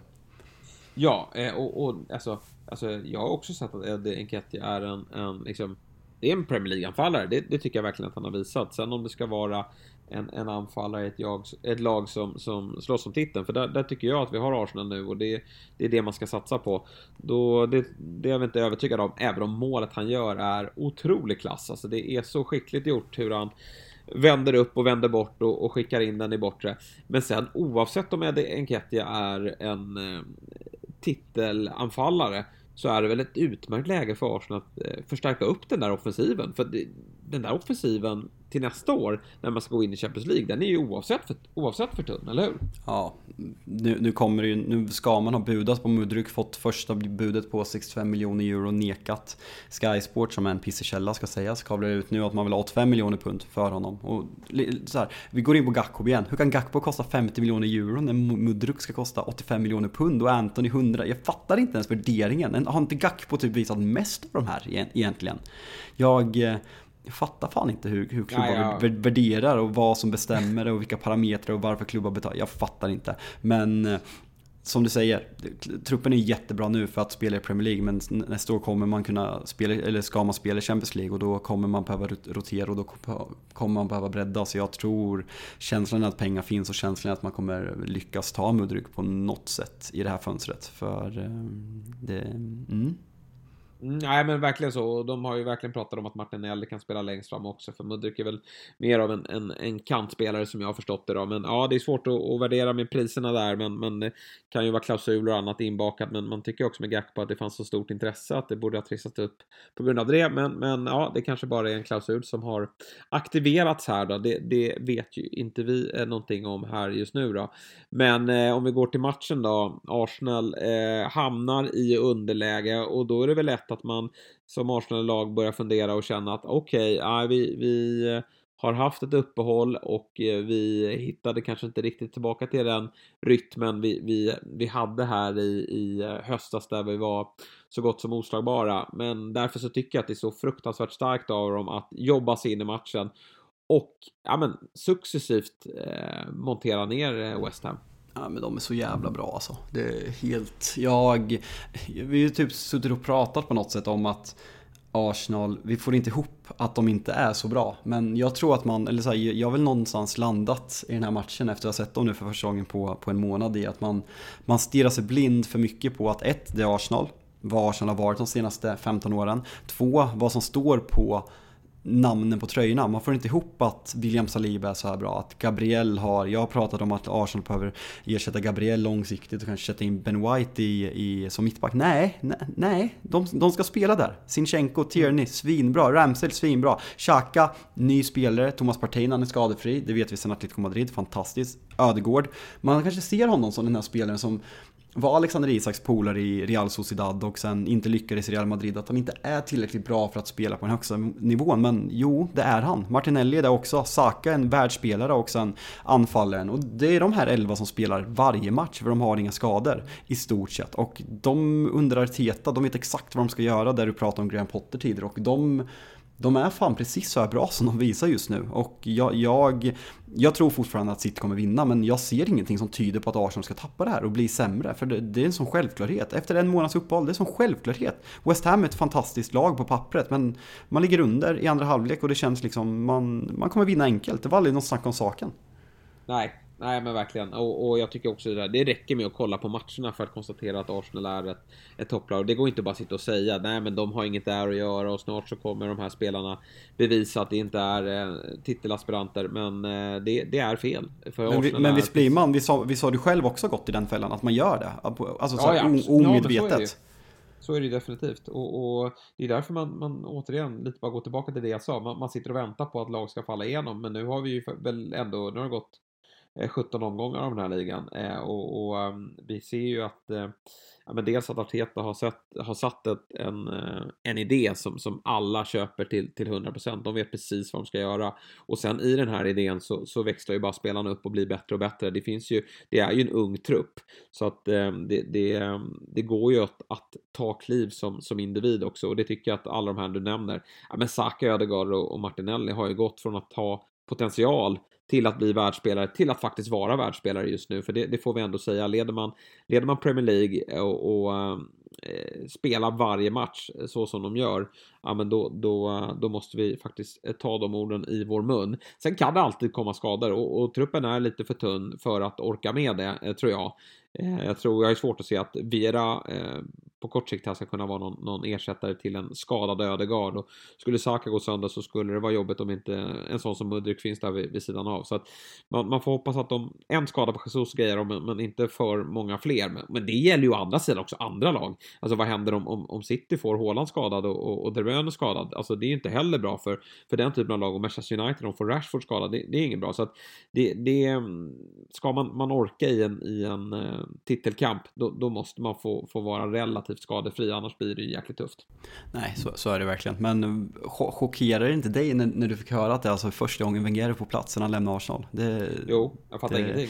Det är speciellt. Sen var det, han fick ju en jättefin avtackning, men jag kan tänka mig att både för, eller kanske framförallt från honom, men att det var en verkligen, det tyder på att det verkligen var en tuff sista tid med protester och sådana saker. Efter allt han har gjort för klubben, så han kanske behövde lite tid att landa, få lite distans till det. Men sen är det ju jävligt fint att han kommer tillbaka och ingen vet om det egentligen. Jag tror att det typ, att sångerna började, nu, nu får någon Arsenal-supporter rätta mig om jag har fel, men jag, jag vet inte om de har en stor bild som filmar publik på, på, på Emirates. Känslan var att det liksom sipprade ut ett rykte och någon började sjunga There's only one Arsene Wenger och sen började hela, hela arenan köra. Så det, det var jävligt eh, fina scener när den, eh, när den ramsan började kollades ut, om det var i, i mitten av andra halvlek någon gång. Ja, välförtjänt. Sista åren var väl inte jätteroliga, även om de stärktes ju när ersättaren eh, eh tog över. Men var det? Unai Emre eller? Unai va? Mm. Ja, eh, de har ju haft eh, Nej, de har väl bara haft han och Fredrik Ljungberg va? Sen, ja, det, sen det, det, känns som de har haft typ fem stycken. Lite ja, lilla, lilla, lilla Ljungberg där någon match också. Ja, jag vet. Ja, men, men ja, nej men alltså Arsenal har haft sina problem även efter Arsene Wenger. Det, det, blev ju faktiskt sämre. Men nu är det verkligen bättre. Men jag, jag, jag någonstans tycker jag att det är hellre att eh, Wenger dyker upp eh, för första gången nu än att det är som med, med Sir Alex Ferguson som är ju för ofta på Trafford. Ja, och sen blir det alltså Wenger har ju flyttat, han har dragit till Schweiz och blivit Infantinos påläggskalv medan ja. för, Fergie bor i Manchester. Sen hans roll i United har blivit fel. Vi, eh, vi, vi får väl köra ett litet extra långt avsnitt idag, men vi hade ju tänkt att blåsa på rejält kring West Ham. Ska, ska vi skjuta upp det eller hinner vi med det idag tror du? Ja, men vi kan väl vänta med, med det tänker jag, för vi har en West Ham-supporter på kroken också som jag vill att vi ska koppla in i det här avsnittet. Men, men vi, ja, men jag känner att vi avvaktar lite med West Ham och, och Moyes där, eh, vad, vi, vad vi tycker eh, gällande dem. Vi kan, väl hin- vi kan väl hinta att vi är jävligt kritiska i alla fall. Det sticker vi ja. inte ut hakan med direkt men... Nej men vi har verkligen, nej men det är, det är kanske dags här att man, man gör eh, ett skifte eh, Eh, när det kommer till eh, tränare där. Mois, ja men han, han, är ju bra på att bygga ett lag och, och få ut den Ja men den typen av fotboll han vill spela men, och, och det, det, tar West Ham till en viss nivå men, men för att West Ham ska kunna växla upp till nästa nivå vilket ju någonstans är lite ädlare eh, Europaplatser. Nu har man ju tagit sig till, till eh, Conference League här och annat men, men om det på allvar ska vara en topp 4-utmanare, vilket ju kanske låter som en, som en omöjlig utmaning men, men herregud, nu har vi ju Newcastle som visserligen har nya medel men som kanske inte har spenderat alla dem. Men de är där uppe och vi har haft Leicester ännu högre upp och jag tror ändå att West Ham har den typen, ja men de har de ambitionerna att de vill vara där och, och då kanske att eh, David Moyes eh, ska ersättas av en annan tränare. Men, men det, kan vi väl, det greppet kan vi väl ta senare. Men eh, Arsenal vinner och eh, fortsätter att eh, Eh, leda Premier League. Enketia får göra mål. Ja, men det är ju en, det är en alldeles perfekt andra halvlek för dem med, med eh, eh Ödegard i assistprotokollet och eh, Martinelli, Saka och Enketia som målskyttar. Ja, nej, det är, ett, det är kul att vara Arsenal. Bra, bra stämning på Emirates ännu en gång. Kablas ut ännu mer bilder på de här ultra, nya ultrasgrupperingen som eh, de kör, börjar fan köra hårt. Och jag, jag var väl, tyckte väl att det var lite cringe när jag såg dem i början. Men kan de få det där att växa och bli liksom till, till en riktigt så att man kan få lite utländsk ultraskrupperingsstämning på de engelska arenorna. Så, så omfamnar jag det alla dagar i veckan. man ser ju ögonen på, på supportrarna när, när de gör mål och allt är häftigt såklart när det, när det är via en vändning, men man ser ju ögonen på dem att de, de börjar drömma verkligen här eh, om, om, om, stora saker. Det var eh, verkligen länge sedan de fick eh, eh lyfta eh, pokalen, men, men kanske, kanske att det är dags i, det har, det har blivit, i, det har blivit, det har blivit så sjukt och det är ännu mer när, när Manchester City är stadsrivaler till min favoritklubb. Men man, man bryr sig inte om Manchester City. Man, man känner typ två, tre personer som håller på Manchester City och man har vant sig med att de vinner. Man bryr sig inte om de vinner för det, det, det berör en inte. Så det är nästan så att man, man, det är kul för Arsenal att det går bra men jag vill inte, jag vill inte se en massa jobbiga Arsenal-fans få vinna ligan för vad odrägliga de skulle bli. Då, då är det behagligt när City vinner för man bryr sig inte. Nej, jag förstår att eh, du som supporter tänker så. Men, men det är så, det är så fel. För City är en större rival än Arsenal i grund och botten. Ja, men som, ja. som svensk så blir man ju färgad över att man, man ser och känner så mycket mer Arsenal-supportrar. Alltså man dels känner privat men även på Twitter. Man träffar folk, folk eh, integrerar med en på Twitter och liknande. City, ja det, det, är tre stycken. Och sen så här folk man har stött in i Manchester men inte mer så. Så det, det, det är så lätt att inte bry sig och gå och lägga sig och låtsas som att eh, det inte händer någonting. Ja, jag tycker det vore väldigt pikt med, med en eh, ny gammal mästare då, eh, får väl säga. Två lag som kanske inte har med eh, någon titel att göra, det är ju Chelsea och Manchester United. Eh, de spelade ju under tisdagen och båda vann ju helt, e, helt enligt plan när två nykomlingar i form av Bournemouth och Nottingham Forest var på besök. Men det laget som alltså, stod för den mest imponerande insatsen eh, av de här två lagen, eh, det tycker jag ändå var Manchester United. De eh, gör ju faktiskt en, en riktigt, riktigt fin insats hemma mot eh, Nottingham Forest. Ja, jag sa det innan matchen att det vore så jävla skönt att bara städa av en klubb. Man, man har nästan glömt hur det känns, men United har alltså vunnit sju raka matcher på hemmaplan. Och eh, för, för att ta nästa kliv som klubb och utmana de största titlarna så måste man göra hemmaplan till ett fort. Det är ju som van Dijk, vad var det han torskade sin första match på Anfield? Torskan? Ja men det gjorde han va? Ja, det bröts väl. Han torskade sin första match på Anfield eh, någonsin i, i, i, ligan nu precis innan uppehållet. Och det, det är sånt man måste göra för att vara den bästa klubben, att man vinner på hemmaplan och tappar lite poäng på bortaplan. Så att, eh, att få de svaren man fick direkt, varann hungrig. Jag tycker många har ifrågasatt värvningen av Varann, hur motiverad han är. Går han för pengarna från, han går till Real Madrid som prenumererar på Champions League-titlar för att gå till ett pittigt Manchester United som inte har vunnit något på 10 år. Hur är motivationen är bland att tjäna cash? Jag tycker det säger väldigt mycket om hans motivation när han spelar en VM-final. Han är alltså den första spelaren med speltid i VM-finalen som spelar eh, i Premier League, vilket jag tycker att han ska ha enorm cred för. För det var när Vigge var sjuk, Maguire var inte redo, så sa han ja, jag vill spela, jag är redo. Eh, sen ehm, Casemiro skulle jag kunna skriva en novell om och ja, jag får väl bredda mina vyer och kolla mer fotboll utanför öarna för att man upp, upptäcker hur bra Casemiro är i, i hösten 2022. Eh, det är väl problematiskt på sitt sätt och eh, att Rashford tar vid eh, var också jävligt kul att se. Ja, men nu lyfter du fram många spelare som verkligen har eh, ja, men tagit United till en, till en bättre plats än vad de eh, var tidigare och det kanske inte var så svårt. United har ju haft ett par riktigt eh, stökiga år men, men nu känns det verkligen på riktigt eh, som att man, man, man har något, något stort på gång här. Gällande Casemiro, alltså jag följer inte La Liga, men jag har ju såklart förstått hans storhet. Men det var väl inte det man ifrågasatte, utan det var väl åldern, priset och hans motivation till att gå till en klubb som inte spelar Champions League och som är väldigt långt ifrån att fylla upp eh, eh, pokalskåpet igen. Men eh, så det, det, var väl det man ifrågasatte, men, men eh, ja, han har ju motbevisat allt det. Vilken eh, spelare! Och, och, du nämnde det med Fabinho tidigare, att han eh, är svag och, och då är inte Liverpool lika bra. Då släpper de in mer mål. Vi har i i eh, Manchester City så har vi eh, Rodri som, som har varit en, en gigant de senaste åren och dessförinnan hade de Fernandinho, så den, liksom, den rollen har de på ett snyggt sätt löst.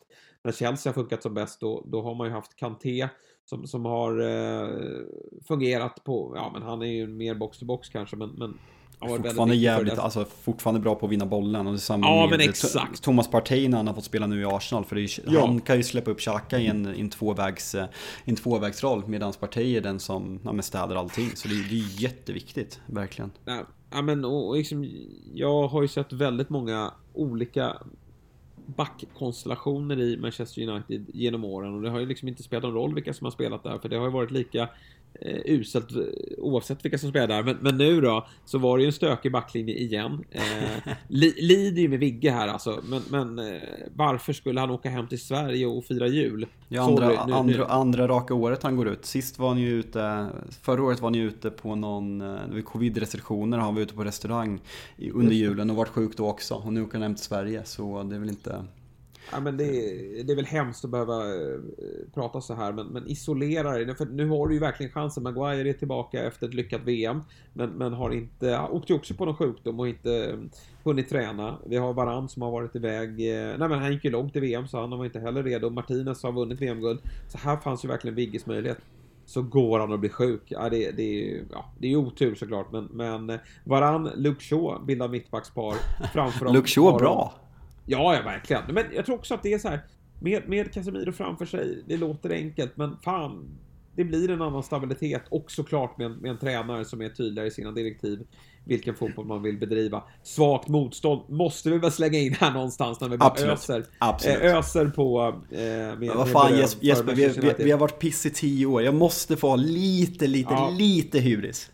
Ja, nej men det, det, är du verkligen värd och eh, United är på allvar med i, i den här eh, Champions League-jakten. Marcus Rashford, jag är jätteglad av att se honom le igen och spela den fotboll vi vet att han kan spela för att eh, han, eh, när han slog, eh, slog sig fram i Manchester United, i ett, i ett dåligt Manchester United, så visade han ändå att han är en spelare som, som kan göra skillnad på den absolut högsta nivån. Sen har han haft de här, den här mörka tiden bakom sig, som fotbollsspelare i alla fall. Och eh, man började verkligen fundera i banor kring om han verkligen ska vara kvar i, i engelsk fotboll och Manchester United. Men han har knutit näven och tillsammans med Ten Hag verkligen hittat en, en metod för att eh, komma tillbaka. Och eh, jag är riktigt imponerad av honom. Eh, och det här talar, ja men det här är nog en, en, en stor anledning till varför Manchester United på allvar är med.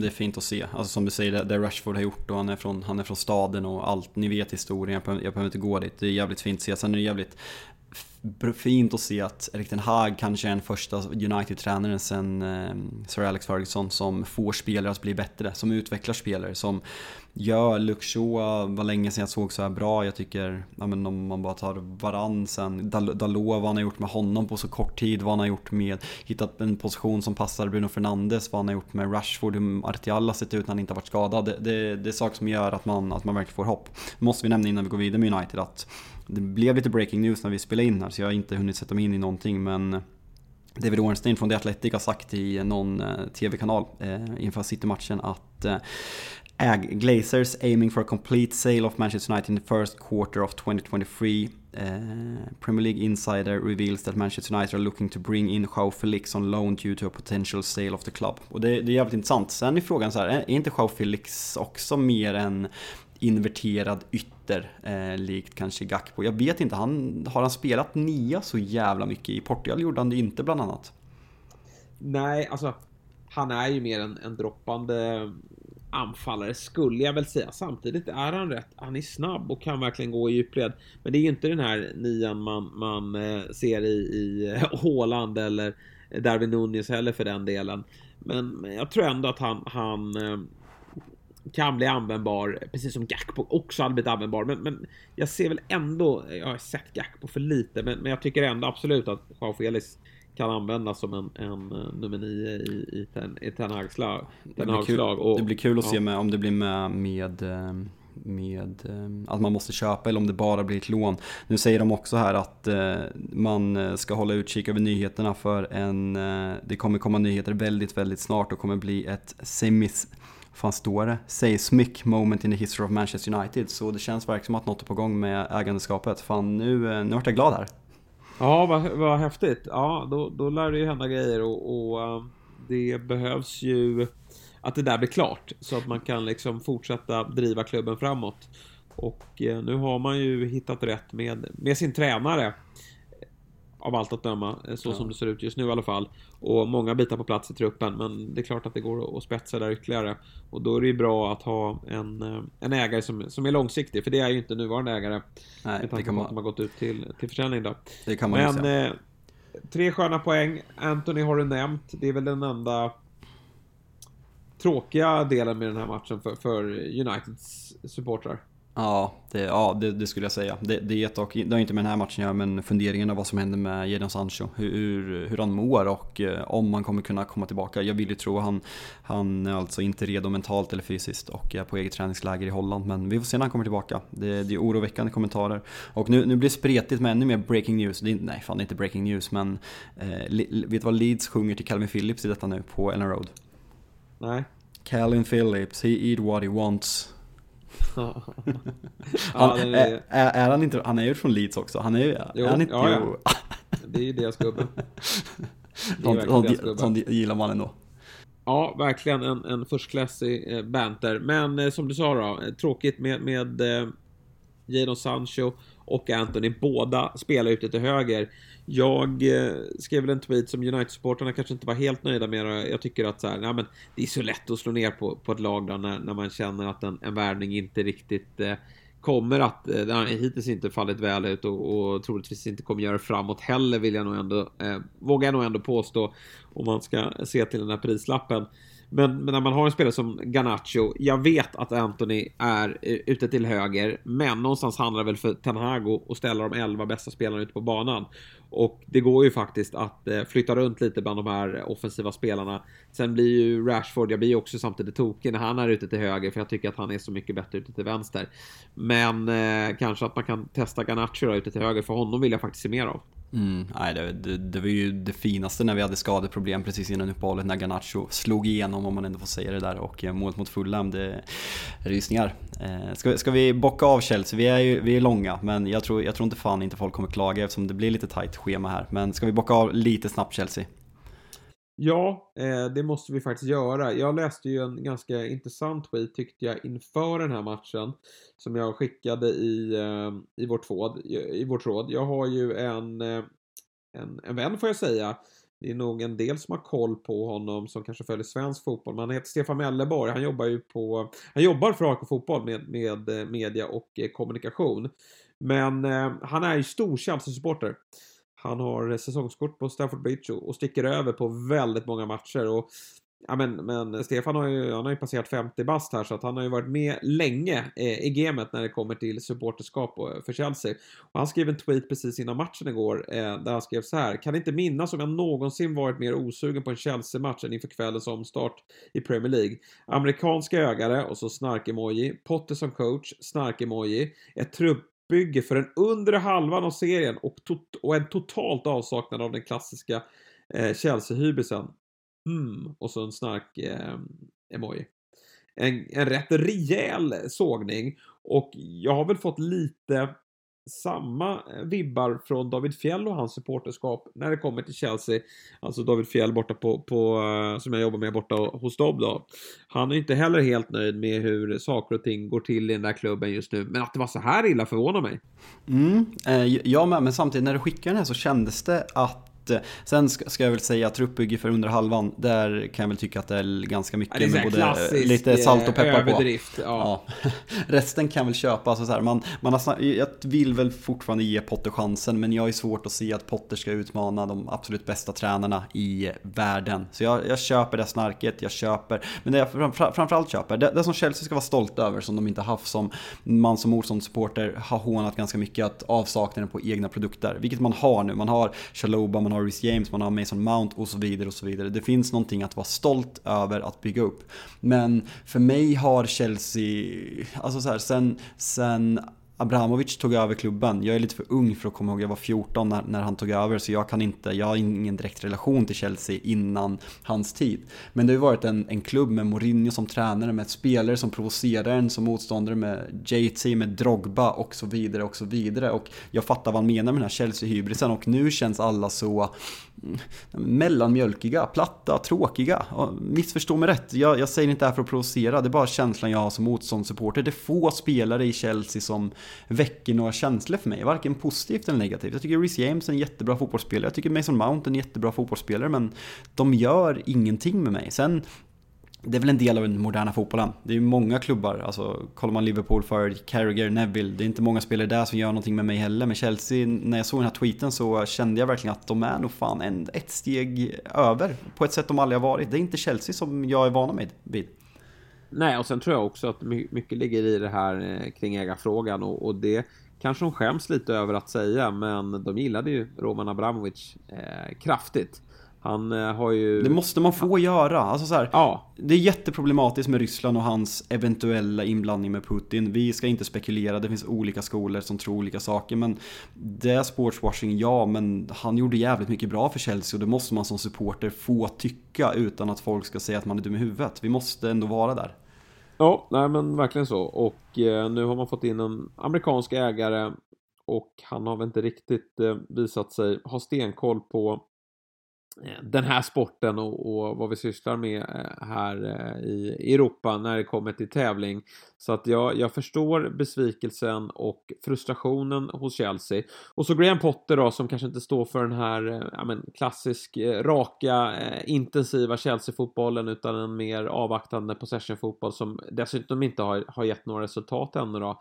Vilket eh, någonstans skapar frustration också. Så att eh, intressant med, jag vet inte om alla delar nej det är klart de inte gör, men, men eh, det vore intressant att höra på sociala medier då, om det är fler Chelsea-supportrar som känner samma sak. Jag, jag tycker väl också att det kanske saknas en del profiler i, i det här laget, eh, men samtidigt så tycker jag att det är ett intressant truppbygg och jag tror ju att man kommer att eh, hitta tillbaka och, och vara ett, ett ett slagkraftigt lag igen. Nu såg jag faktiskt att man hade gjort klart med eh, ett nyförvärv, inte särskilt namnkunnigt. För oss i, i Norden eh, har vi ändå ganska bra koll på honom. Det är ju nämligen eh, eh, ivorianen eh, David Fofana som spelar i norska ligan. Där han har varit totalt överlägsen den här säsongen i tippeligan. Han har bara gjort en säsong i Molde. Och nu från och med den första januari så är han klar eh, för Chelsea. Frågan är ju dock, dock bara vilken ja, men, om han ska vara med och, bidra direkt eller om han lånas ut. Jag, jag förstår inte riktigt hur han har löst det här med arbetstillstånd.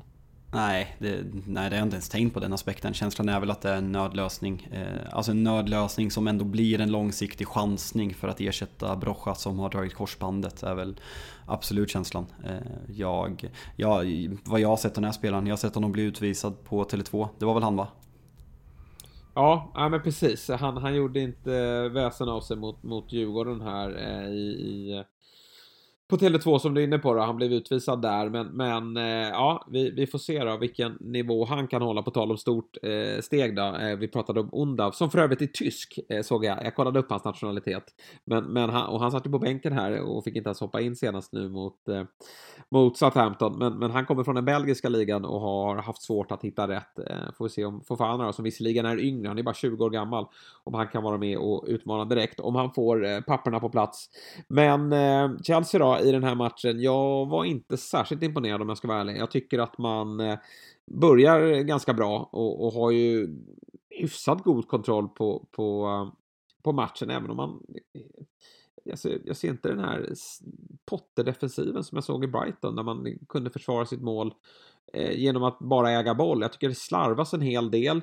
Det slarvas i uppspelsfasen och, det är ganska ihåligt också. Och man provar ju, man laborerar ju. Chaluba har ju spelat väldigt mycket eh, under potten men han är inte med från start och det är en fyrbackslinje den här gången. Reece James trycks ju upp väldigt mycket till höger. Eh, men det nej, jag, jag, är ganska besviken på Chelseas insats och framförallt då vid en 2-0-ledning i, i den andra halvleken så Ja, men man låter ju Bournemouth ta över matchen. Det är inte så att det, är, det känns inte farligt. Det är inte så att man tror att eh, Bournemouth ska göra eh, varken 2-1 och för den delen 2-2.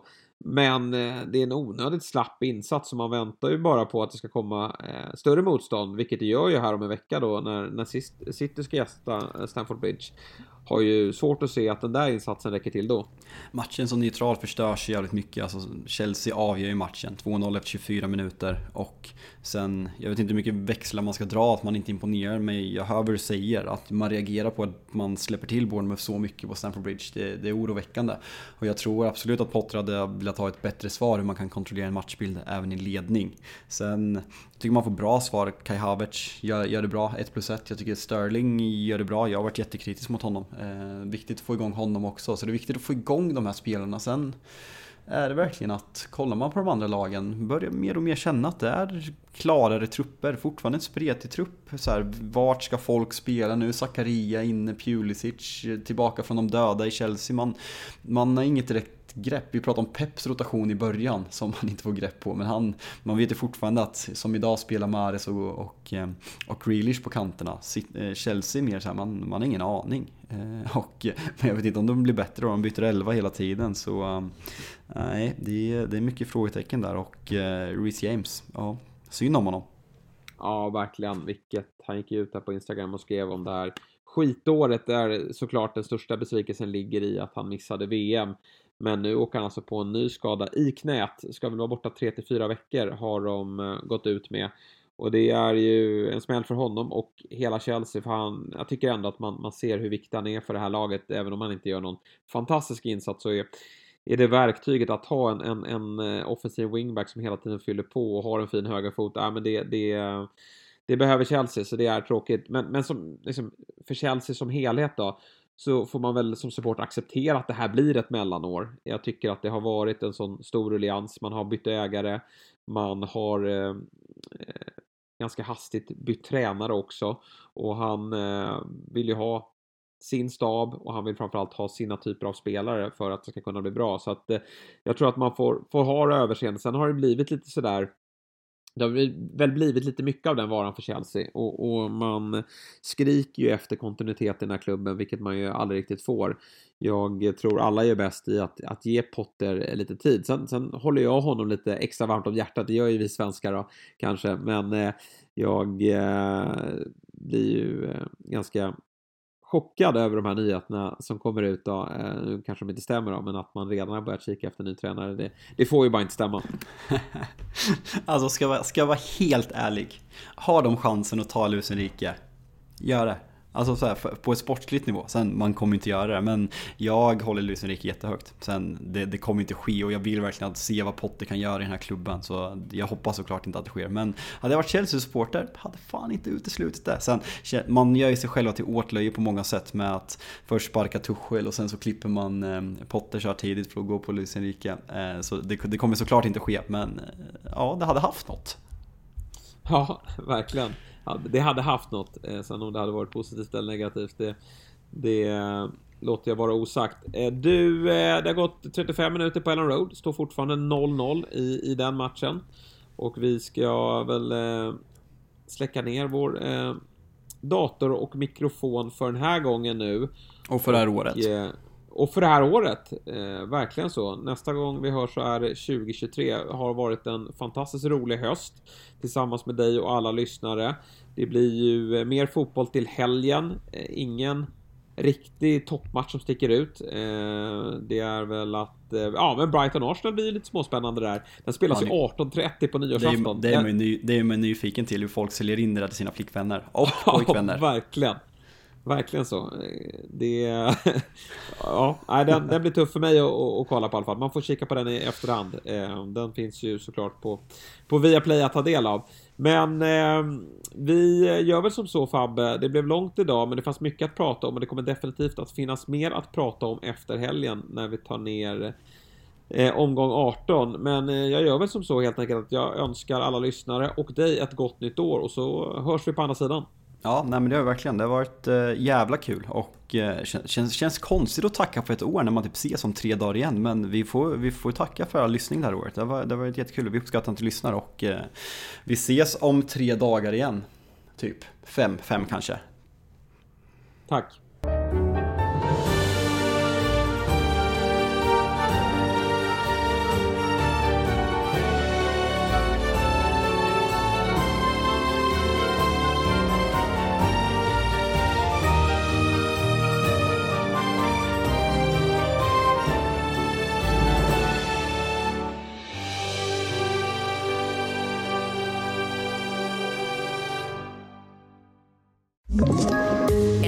Poddtips från Podplay.